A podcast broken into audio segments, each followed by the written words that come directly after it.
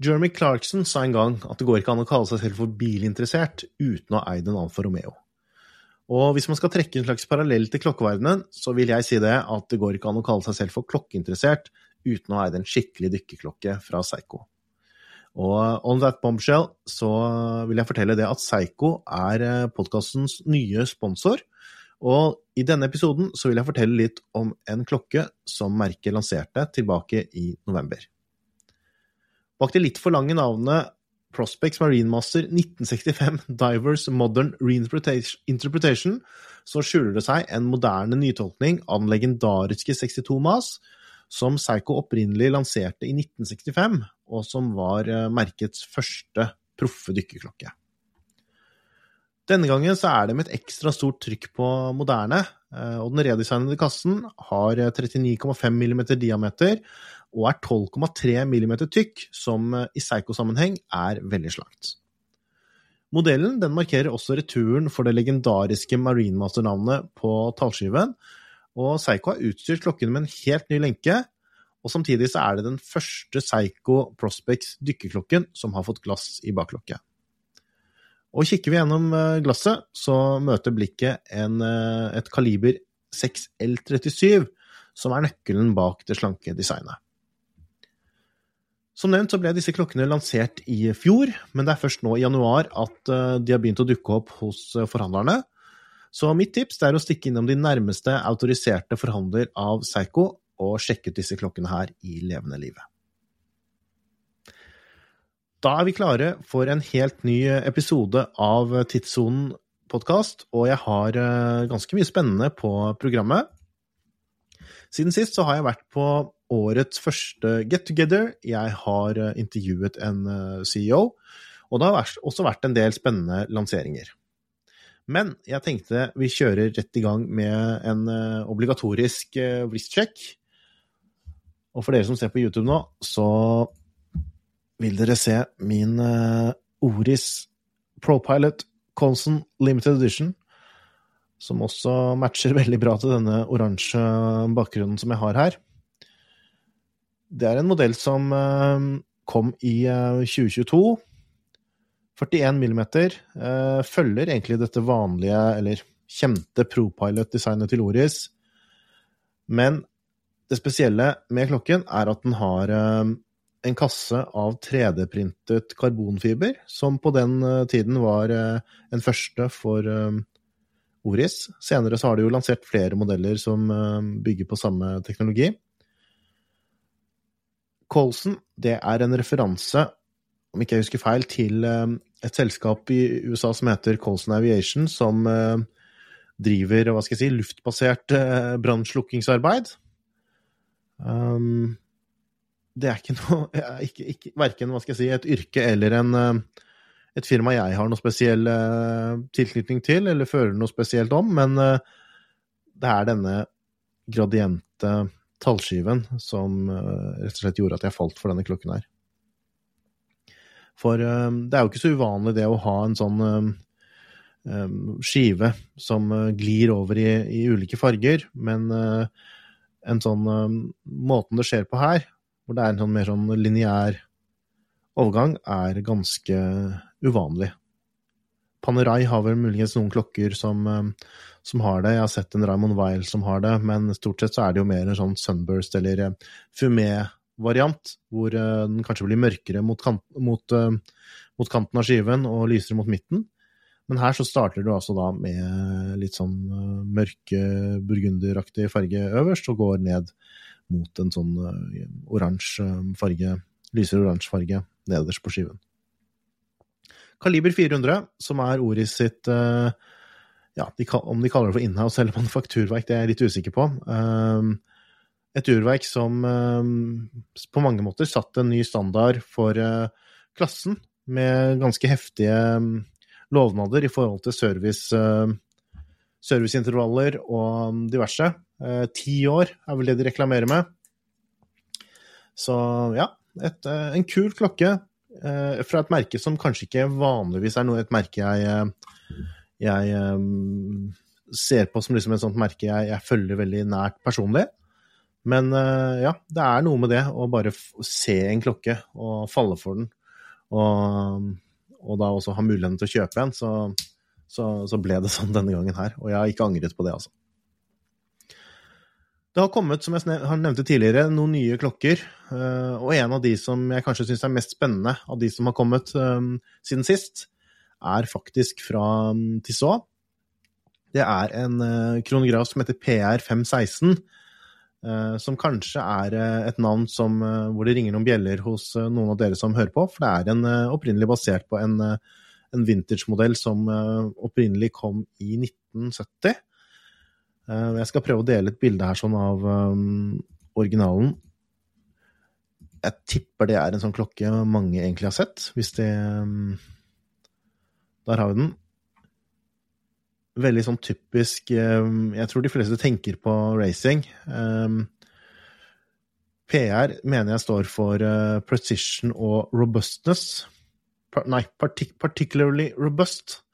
Så det ble altså da markedsført opprinnelig som en uh, veldig sånn robust sportsklokke. Jeg tenker som sagt mot uh, bilsport, motorsport. Uh, og den nye modellen har arvet veldig mye av de samme trekkene. Selvfølgelig så ser man forskjell, men uttrykket er jo mye av det samme. Det er en klokke som nå måler 41 millimeter. Uh, den er 13,7 millimeter, millimeter tykk. Til sammenligning så er en speedmaster rundt 13 millimeter, som ofte kan være litt sånn referansepunkt for en del. Lenke med quick change. Urverket er jo det som er litt spesielt. For selv om 13,7 ikke er superslankt, så er det jo faktisk en del slankere enn mange av disse 7750-baserte klokkene som det jo finnes en del av. Uh, denne gangen så har Tissot gått for et urverk som de kaller for, uh, for Value A05291 som eh, så vidt jeg har funnet ut, da, er en vri på 7753, men det er jo da uten eh, hva skal jeg si, denne automatiske opptrekksmekanismen, og det ser man også ganske tydelig når man ser, eh, ser på baksiden. Ja, jeg har pratet litt, diskutert litt eh, om denne modellen med flere, og noen syns det ser litt for eh, ja, litt tomt, eller kanskje litt sånn industripreget ut. Eh, jeg må si at jeg syns egentlig det ser ganske bra ut.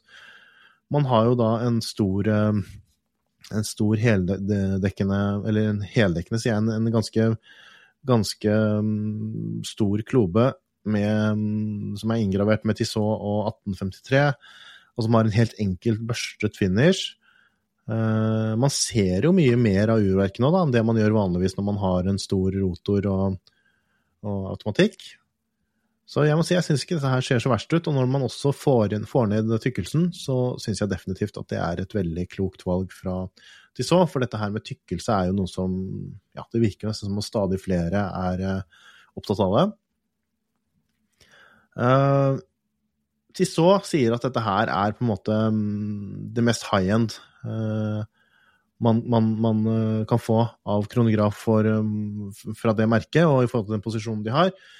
Det er en 68 timers gangreserve. Det er uh, Nivakron eh, balansefjær, som er denne mm, legeringen som har veldig gode antimagnetiske mm, egenskaper, men som samtidig blir produsert på helt um, ved hjelp av tradisjonelle metoder. Elaboreg grade på urverket, og pluss uh, plus fem minus fem i presisjon. Så det er en, en, en, en, ja, veldig interessant pakke, syns jeg, og et design som jeg tror mange uh, liker. Det er um, litt sånn 70-talls uh, racing-kronograf. Uh, det blir spennende å prøve den på armen, for det er jo det som Det er jo da den endelige dommen faller, når man får, får det på armen, får testet det. Eh, men sånn ut fra de tallene på papiret og hvordan den ser ut, så virker jo dette her veldig lovende. Og siden Tissot da er et, eh, hva skal jeg si, et merke som befinner seg i eh, M3-prissegmentet til Sports Group, så er jo dette her også en en klokke som har fått en ganske OK pris. Um, 23 000 um, i kronograf mekanisk, men de har også laget en kvartsversjon som i mine øyne ikke er like aktuell og ikke like lekker, men, um, men som, som, som, samtidig Ja, den fanger jo mye av det samme uttrykket, den også, til 6500 kroner ish. Så ja, det kan godt hende at kvarts, kvartsmodellen kommer til å selge mer enn den mekaniske, men jeg er rimelig sikker på det, at det er den mekaniske som kommer til å gjelde i forhold til oss entusiaster. Og selvfølgelig, er det noen som har fått vært ute i butikkene nå og fått testet denne klokken, så skriv gjerne, eller kanskje også har kjøpt den, så er det veldig kult det om dere um, sender, um, sender meg en melding f.eks. på Instagram, hvor dere finner meg på at-tidssonen eller går inn på Facebook, hvor vi har Facebook-gruppen som heter Tidssonen. Eventuelt på Tidssonens uh, forum på tidssonen.no. Der har vi også en, det jeg har kalt nå for Tidssonetråden, hvor vi diskuterer litt av de tingene som skjer rundt eh, podkast og video og diverse. Så er det noen som har prøvd denne Tissot-klokken på armen og um, har gjort seg noen tanker, så skriv inn og hør fra dere. Så vil jeg gjerne høre hvordan, uh, hvordan den oppleves.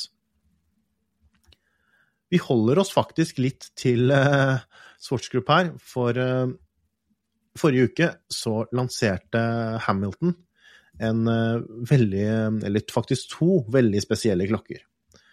For i disse dager så er det jo, ja faktisk nå om Det blir vel i morgen i forhold til når denne podkasten kommer ut på tirsdag. Så er det premiere i Norge på Dune Part 2, som er denne science fiction-filmen. En film jeg har gledet meg veldig til og en film som jeg tipper også mange av dere som lytter, også ser frem til. Det som er eh, spesielt denne gangen, det er jo det at Hamilton har uh, fått en liten rolle.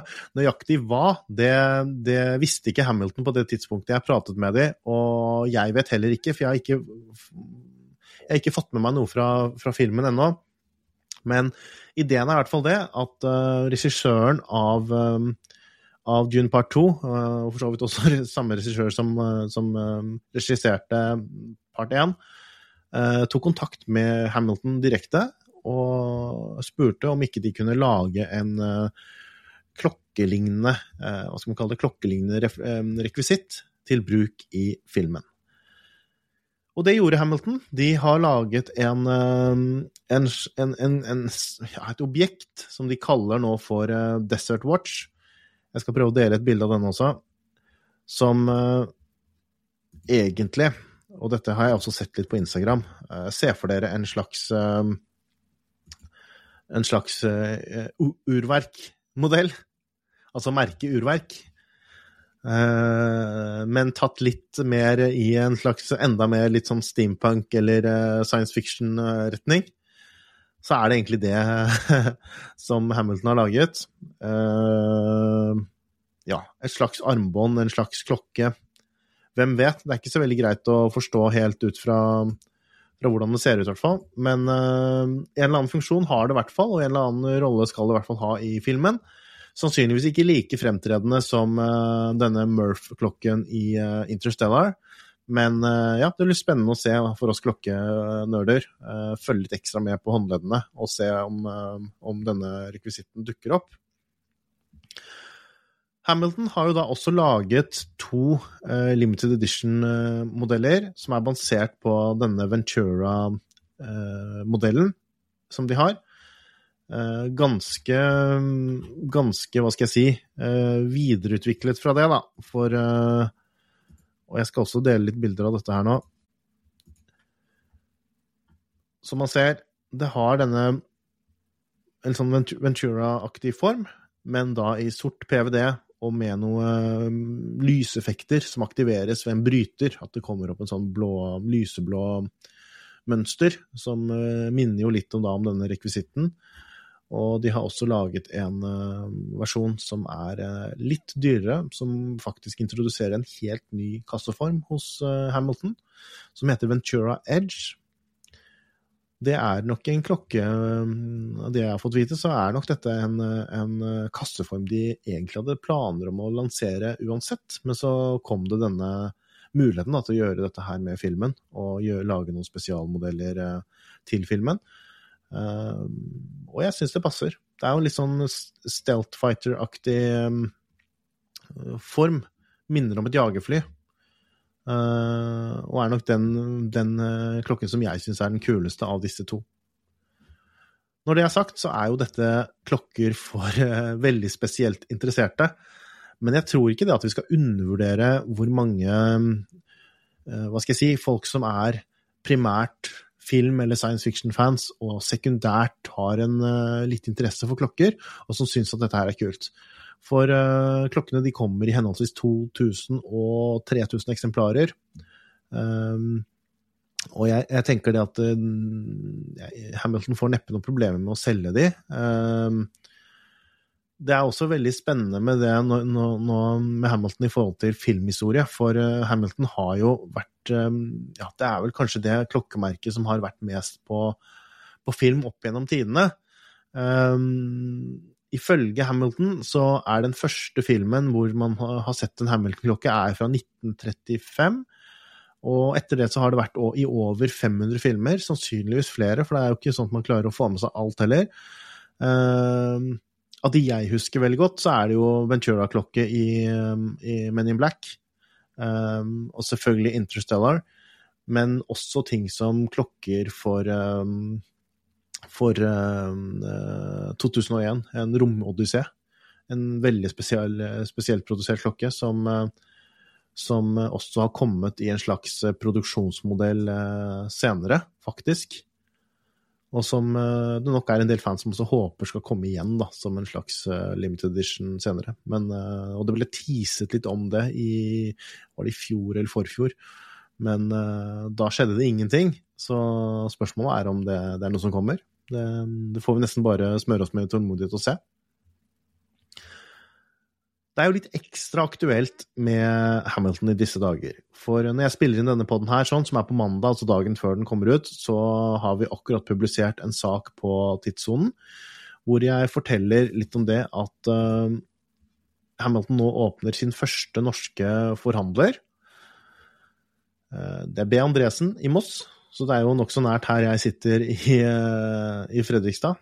Så spørs om jeg ikke må ta en tur til Moss og kjøpe meg en pølse i vaffel og se litt på de nye Hamilton-klokkene litt, eh, litt, senere i uken. Nei, men eh, det er altså et merke som jeg vet mange har ventet på, og det er et merke som egentlig har glimret litt med sitt fravær i flere år. Um, både Certina og Tissot, som jo er merker som ligger nokså nært Hamilton prismessig, er jo merker som er eh, veldig stuvarme i, mm, i, i, Norge. Eh, spesielt Certina har jo vært en Norge, norgesfavoritt i veldig mange år. Man kan jo lure på om det kanskje er litt derfor da, at Certina har vært veldig veldig stort. Internasjonalt er ikke Certina så veldig stort. Tissot, som internasjonalt er et veldig veldig stort merke, har ikke vært så veldig stort i sammenligning i, i Norge. Så kanskje man har tenkt på det at Sertina har liksom den litt sånn uh, underdog, eller litt den som har klart å Litt mot, uh, mot flere odds, da. Uh, klart å etablere seg som en, en, stjerne sånn i markedet i Norge. Og at det kanskje ikke er plass til også Hamilton, som jo heller ikke er en sånn et like stort merke som Tissot. Men klokkefansen de bryr seg jo ikke så veldig mye om sånn konsern internpolitikk. Og um, det er jo veldig mange som har falt for disse, spesielt disse Kaki Field-modellene til Hamilton, som har et sånn typisk sånn klassisk feltklokkedesign. Um, no bullshit-klokker for uh, en veldig tilgjengelig pris. Uh, Hodinki begynte jo å selge um, klokker på et tidspunkt, og da var det nok enda flere som oppdaget uh, disse klokkene, og ikke minst da med denne Interstellar-klokken som um, kom for noen år siden.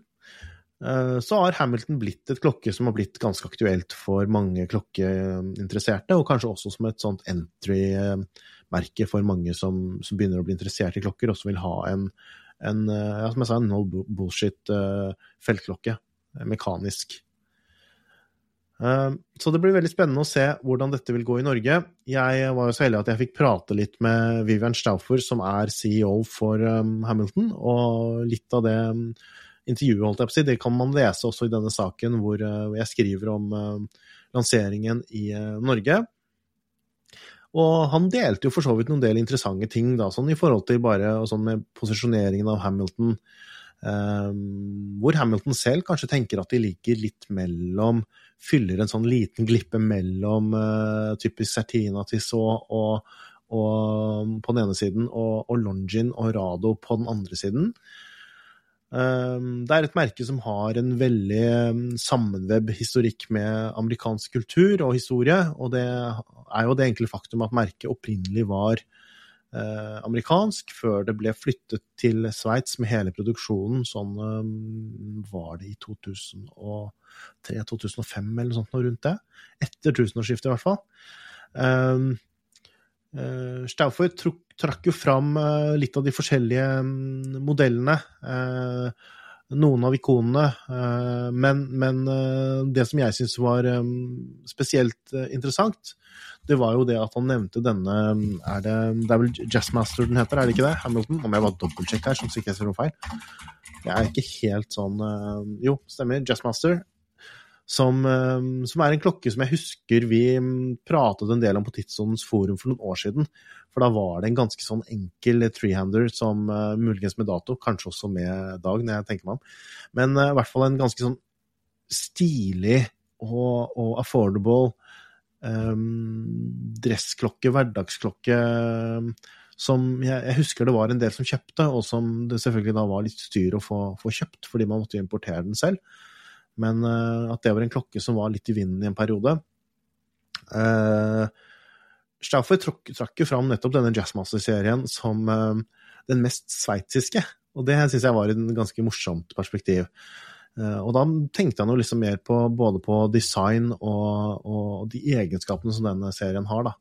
Så man mente at dette var det mest sveitsiske produktet som de hadde i porteføljen.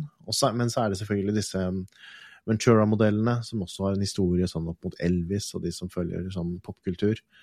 Um, Pulsar, første, um, første, elektriske klokken med, med digital display.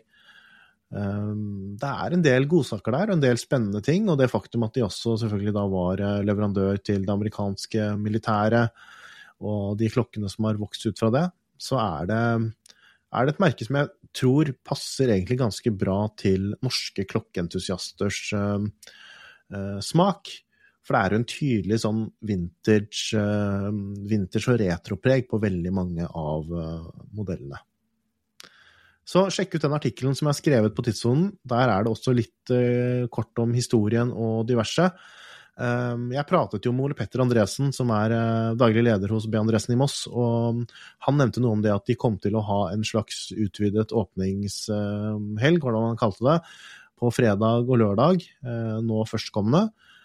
Det blir jo da den første og andre mars. Um, hvor det også skal være en representant fra Hamilton til stede. Så hvis man syns dette merket er kult og er interessert, så er det definitivt et tips det å stikke dit. Uh, og det er ikke sagt, sagt, det at Eller man, man, kan ikke si det at det nødvendigvis vil komme så mange nye forhandlere av Hamilton. For én ting som Stauffer sa i uh, praten vår, var det at de ville ta ting veldig rolig og steg for steg. De hadde ikke noe plan nå om å rushe ting og, og, og, spy ut varer i det norske markedet og prøve å få flest mulig forhandlere. Så inntil videre så er det da B. Andresen i Moss. Eh, og Hamilton hadde heller ingen planer om å drive, åpne for nettsalg direkte, sånn som f.eks. Sertina og, ja, og Tissot Longin driver med nå.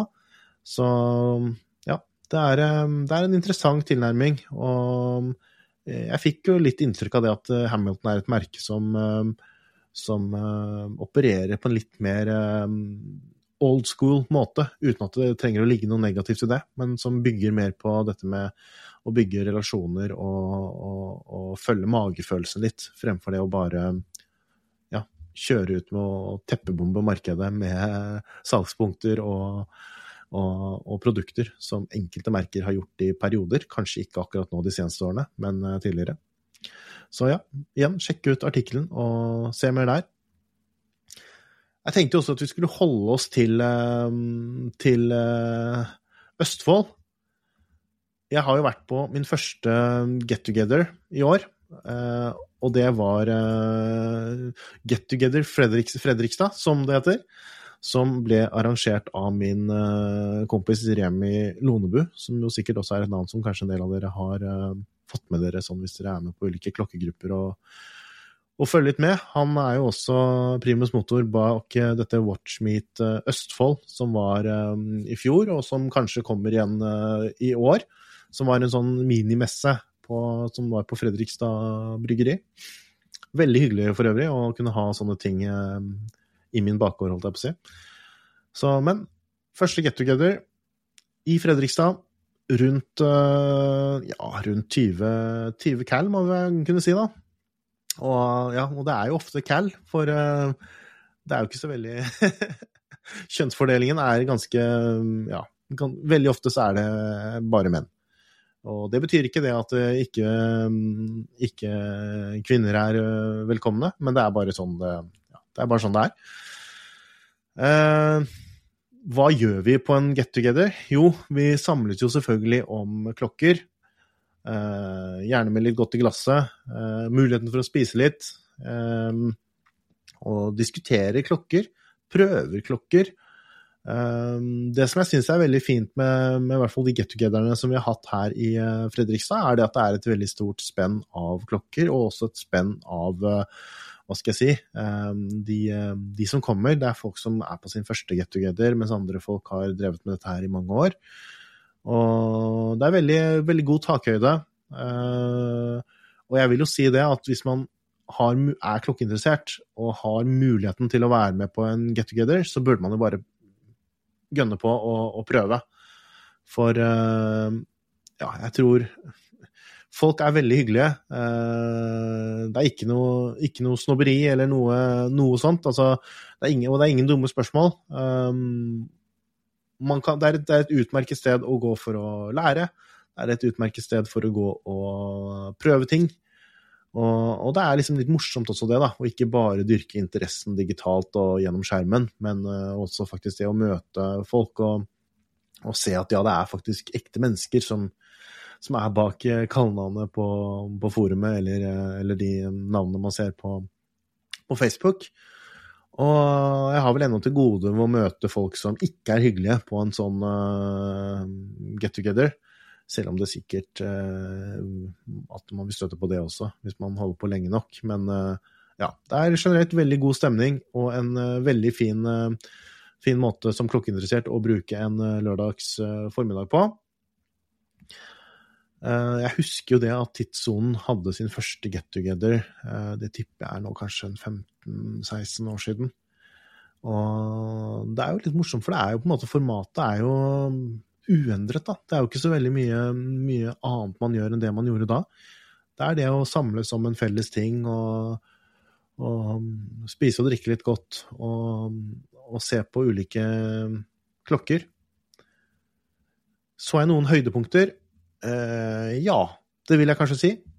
Og jeg hadde også, men jeg var også litt um, litt dum, fordi jeg fikk ikke tatt noen særlige bilder og sånn. Jeg la ut noe på min Instagram uh, at tidssonen. Det ligger vel kanskje ikke der nå, men jeg kan kjøre ut litt på Story når, uh, når uh, denne episoden her sendes. Det var blant annet en fantastisk stor Sertina-samling der. Med noen sånne morsomme hva skal jeg kalle det, samarbeidsmodeller fra Jeg lurer på om det var fra tidlig 70- eller sent 60-tall. Med med Nei, jeg tror det må ha vært på 70-tallet. Rado og Sajina. Hvor man hadde altså kasser av, av, fancy materialer. Glass med Altså fasettert glass med, med også, sånn ulike kanter og sånt, som jo sikkert må være et sånt mareritt å både lage og, og, og, ja, det var jo mange som faktisk Jeg fikk høre også at det var mange som ikke likte disse glassene originalt, og fikk de byttet ut.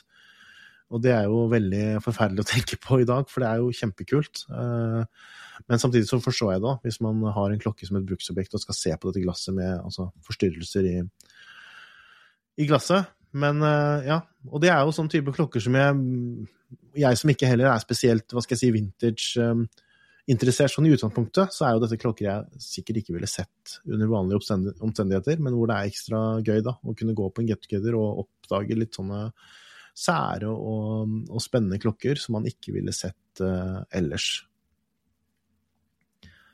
hvordan blir man med på en get together? Det burde jeg jo egentlig si litt om. Uh, jo, jeg vil tipse om det at uh, registrer deg på Tidssonens forum på nett, på tidssonen.no, uh, eventuelt Facebook-gruppen Tidssonen. hvis du er interessert i denne get together i Fredrikstad, så det, heter det vel den gruppen på Facebook heter vel Get Together Fredrikstad Gamlebyen eller noe sånt. jeg vet det finnes også flere andre um, altså, klokkegrupper for um, ulike steder som har, uh, som har um, hvor det kan dukke opp invitasjoner til get-togethers. Uh, Red Bar er jo veldig kjent, et veldig kjent uh, konsept, som jo egentlig bygger ut fra en slags Hva skal man kalle det? En slags proff get together-arrangør i, i, Eller en klokkeklubb, om man vil i USA, som også har norsk, norsk avdeling. Og også avdelinger i, i, litt forskjellige byer. Og også byer i utlandet, selvfølgelig. Hvis man skulle um, dra på ferie og ha lyst til å, å prøve seg på en get together, så er det mulig å sjekke litt med, med Red Bar. Så nei, det postes invitasjoner litt rundt omkring. Og jo mer man er inni, inni det klokkemiljøet som uh, lever på, på fora og sosiale medier, jo, um, jo, større er nok sannsynligheten til å kunne komme over en sånn, uh, en sånn invitasjon. Så følg med på det. En ting man ikke vil finne, ha noen problemer med å finne en invitasjon til og informasjon om, det er uh, Oslo Swapmeet, som uh, faktisk nå også er uh, til helgen på lørdag 2. mars. Så arrangeres det som jeg tror er den, blir den femte utgaven av Oslo Swapmeet. Eh, kort og godt så er det snakk om da en eh, hva skal man kalle det, et lavterskel eh, klokkearrangement slash miniutstilling slash arena for kjøp, salg, bytte. Men egentlig også et, en veldig fin møteplass bare for sånn sosialisering med likesinnede. Bak dette arrangementet så er det jo da Morten Paulsen og Torgeir Sanders som står. Det er to herrer som mange nok også kjenner fra dette klokkemerket The Sanders, som nå gjør stor suksess hos Protid-forhandlere over hele landet. Det er uh, litt annerledes uh, i år, har jeg fått høre. For tidligere så har det jo vært en del norske aktører, en del norske mikromerker osv.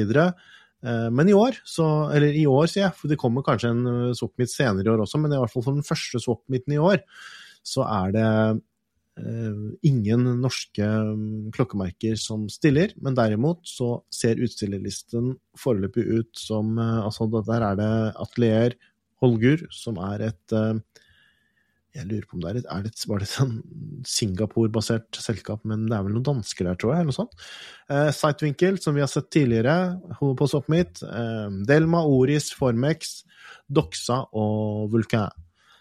Så det blir nok klokker å, å, se på, men samtidig så fortalte Morten det at de ønsket også å dra litt fokus tilbake igjen på dette kjøp, salg og bytte-konseptet, som jo er for privatpersoner, hvor man rett og slett kan eh, stille med, en, med egen klokkeboks og tilbehør osv. Og, og, og, og så får man vel et lite bord hvor man kan legge ut tingene, og så kan man uh, Eh, enten prøve å selge det, eller, eller også bytte ting med, med, andre som er der. Eh, og det er jo egentlig et veldig kult konsept. Og, og hvis man er sånn at man har ting man kanskje ikke bruker, og ting man uh, ikke har helt fått ut fingeren på å selge, så er jo det en utmerket mulighet til å ta med seg de tingene. da. Og enten få solgt det, eller uh, kanskje enda bedre få byttet det i, det i noe annet uh, kult. Og det er jo det som eh, ligger også litt i den opprinnelige eh, ideen bak dette her, da, med, og det i navnet med swap meet, som jo på engelsk er noe tilsvarende dette her, sånn, hvor man tar med seg ting og bytter og, og dealer og, og, styrer. Jeg kommer til å være der, og jeg håper også å se noen kjente ansikter fra Tidssonen, og kanskje også noen uh, ukjente lyttere. Kom, gjerne bort og si hei, det er bare superhyggelig. Uh, mer informasjon om SwapMeet det ligger for så vidt på Tidssonens forsider. Vi har laget en sak der hvor, eller jeg har laget en sak der hvor eh, det står litt om påmelding og diverse. For det er gratis inngang, men Arrangøren vil det at man skal registrere seg fortrinnsvis på Facebook-eventet. Og på Facebook også så finner man jo da Oslo Swapmeet hvis man søker opp, opp det der. Så meld deg på og sett av lørdagen, og så tipper jeg man blir veldig fornøyd med å ha gjort akkurat den beslutningen der. Jeg har fått inn en del spørsmål til uh, denne spalten som jeg fortsatte å kalle for Jon Henriks hjørne. Og det har jo vært litt sånn prat nå om ulike merker og litt bransje- og businessprat, så jeg tenkte nå å kjøre på med et litt sånt uh, litt mer festlig og, og direkte klokkerelatert spørsmål. For Days har jo spurt Hvilken klokke tar man på seg til et jobbintervju? Og dette tror jeg faktisk er et spørsmål som han har spurt tidligere, hvor ikke han fikk besvart det når jeg hadde klokkelandslaget. Men uh, ja, det er jo et litt sånn morsomt spørsmål, da. Og nå er jeg kanskje den dårligste personen egentlig å spørre, stille det spørsmålet, da. For det er jo ikke så fryktelig mange jobbintervjuer jeg har vært på i livet. Men jeg har jo hørt hva andre har sagt, da. Jeg, eh, en av de tingene jeg husker best, det var når jeg var i eh, New York for mange år siden og kjøpte en nokså dyr klokke. det var en sånn Girard Perregaux worldtimer med en sånn finansfunksjon. hvis man ser i boken min 50 klokker, som selges hos Nordli og i Tidssons nettbutikk, så er den for så vidt også omtalt der. Så plukk gjerne opp en kopi av den boken og, og les det. Men Um, denne karen, da, som uh, også fortjener uh, gullmedalje for uh, kundeservice. Der kommer det liksom noen jyplinger inn på 19-20 år og skal kjøpe dyr, dyr klokke, men super kundeservice. Tok oss kjempeseriøst og var kjempehyggelig og ja, virkelig sånn textbook-eksempel på hvordan man skal behandle kunder, og hvordan få kundene til å føle seg komfortable og, og, og få en god opplevelse. Men han, eh, han eh, tøyset jo litt med det. At uh, han spurte hvor, vi, hvor, jeg jobbet, eller hvor jeg Sånn, og da var det jo Vi studerte jo, men så hadde jeg også en deltidsjobb i et sånt finansforetak, uh, og da spurte han hva slags klokke har sjefen. For uh, han mente i hvert fall det i, i, USA, så var det en uskreven regel at man kunne ikke ha finere klokke enn sjefen. Og når jeg sa da at jo, sjefen har en Breitling uh, Avenger Lodvar, og da var han litt skeptisk til denne Gerard Perregaux Worldtimeren, for det var jo en ganske mye finere, finere klokke. Men det gikk greit, det. Jeg tror egentlig ikke man i Norge har vært tradisjonelt så veldig opptatt av den type ting, sånn med klokker og diverse. Det er klart, det har sikkert endret seg litt nå de seneste årene, for nå har jo klokker blitt mye mer, et mye mer Eh, mye mer hva skal jeg si, åpenlyst eh, at, altså at folk er interessert i klokker, og, og, og, flere har fått et mer bevisst forhold til det, kjenner kanskje til flere merker osv. Uh, så hvis, jeg ikke skal, hvis man ikke skal liksom snakke som en sånn Jeg vet ikke hvordan sånne altså Jeg håper jo da sånne HR-folk og folk som driver på med, med rekruttering og diverse, at de har um, ikke, ikke forhåndsdømmer for hardt basert på, på klokker. Men, uh, men, skal man se på sånn hva, hva, folk tradisjonelt sier, da, så er det jo litt sånn der, er det kanskje lurt å styre unna liksom de, de mest, mest påfugleaktige klokkene. Sånn helgull Rolex med gullenke og diamanter. Det er kanskje ikke det sånn ideelle, og sender kanskje ikke det helt de riktige signalene hvis man hvis man søker på jobb noe sted. Men samtidig så er det jo sikkert forskjell på det, da, om man søker på jobb liksom i Grimstad regnskap og revisjon AS eller eh, dørvakt på String Showbar. Så er det kanskje litt ulike, ulike parametere man måler etter, da. Men eh, nei, kanskje de mest, de mest eh, de mest showy klokkene er kanskje ikke det smarteste man tar på seg da. Selv om jeg tror at det egentlig ikke er så veldig mange som kanskje bryr seg så mye om det. Jeg vet ikke. Det går jo litt sånn over i dette her hva sier eh, klokken om deg? Eh, som jo er en sånn lek som mange av oss klokkeinteresserte syns er, eh, er, gøy å leke en gang iblant. Tenke litt på hva, hva, hva vil, hvem er det, hvem, hvem er jeg, i forhold til hvilken klokke man har.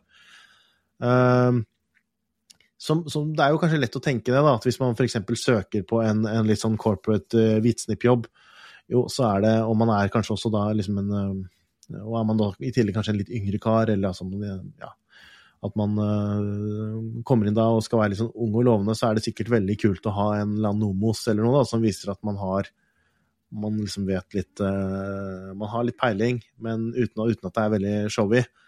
Eh, jeg tenker liksom også Jeger, IWC, eh, Longin, eh, Bomber, sier jeg, for den saks skyld. Litt sånn dress, dressklokke med litt ekstra. Ja, jeg tenker det er ganske safe.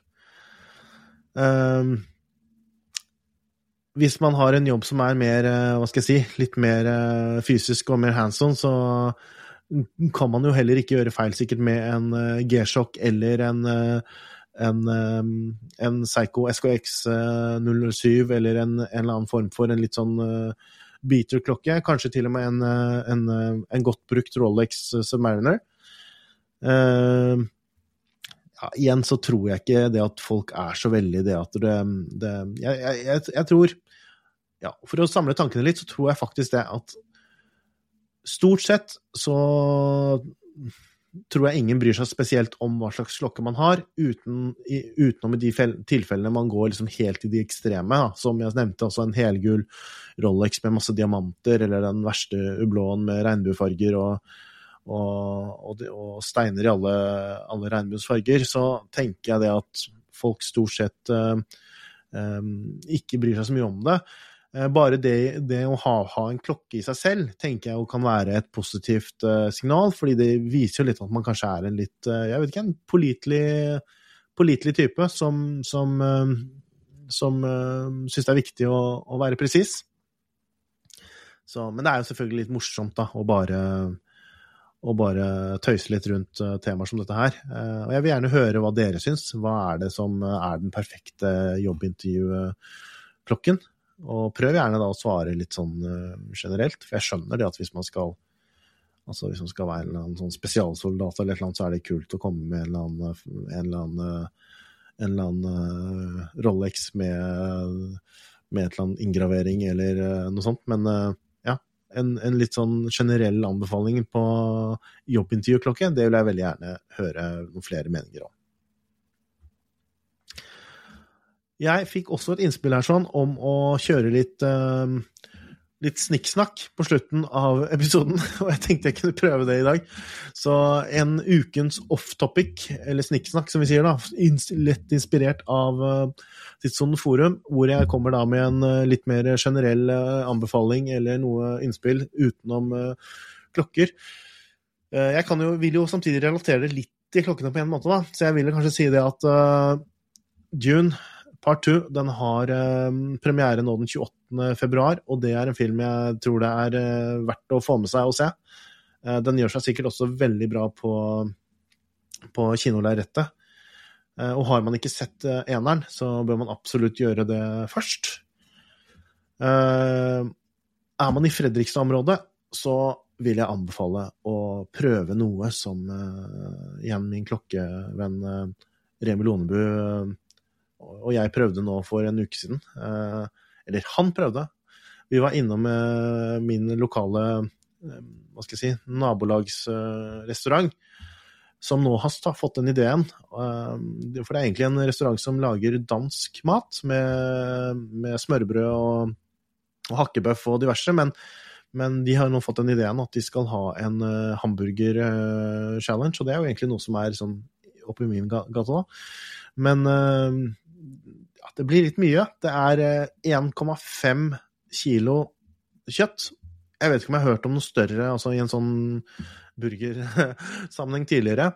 Uh, burgeren den er veldig god, den. Så liker man burger, har lyst til å prøve Burger Challenge, så er det altså da en 1,5 kilos challenge som nå er her i Fredrikstad. Man får navnet på veggen og vinner noe T-skjorte om greier hvis man klarer det, men jeg tipper du ikke klarer det. Eh, restauranten den heter Hos Martin. Danskinspirert. Uh, ved Fjongeste Cicignon i Fredrikstad. Det er jo litt morsomt, fordi det, dette her var jo denne, den, det lokalet som eh, Per Sandberg og hans eh, Ja, de er vel kanskje ikke sammen lenger, da, men hans kjære, da, daværende kjære Bahare skulle åpne pub. Men det ble ikke noe av, for det var jo noen diverse forsinkelser osv. Så, det da, så det er jo da et sted med en, en proveniens og med viktig historie i veggene. Med det så tenker jeg at jeg takker for meg for denne gangen her. Uh, husk å følge eller abonnere på Spotify der du, eller der du lytter på podkast. Uh, gi gjerne fem stjerner, det er superbra. Uh, følg også med på YouTube. Tidssonen kan man søke på der, så får man det opp. på Instagram så heter jeg som sagt at tidssonen, og søk opp Tidssonens Facebook-gruppe, for der kan man også diskutere litt om episodene. Og det samme gjør man selvfølgelig på tidssonen.no og forumet der. Eh, bruk Tidssonens nettbutikk.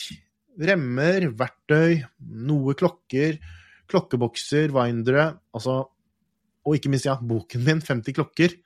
Eh, og jeg setter veldig stor pris på støtten, for det er jo selvfølgelig da en, eh, en sammenheng mellom uh, denne podkasten og det at vi også tjener litt penger på dette her gjennom f.eks. nettbutikken. Så farvel for denne gang, så ses vi i neste episode.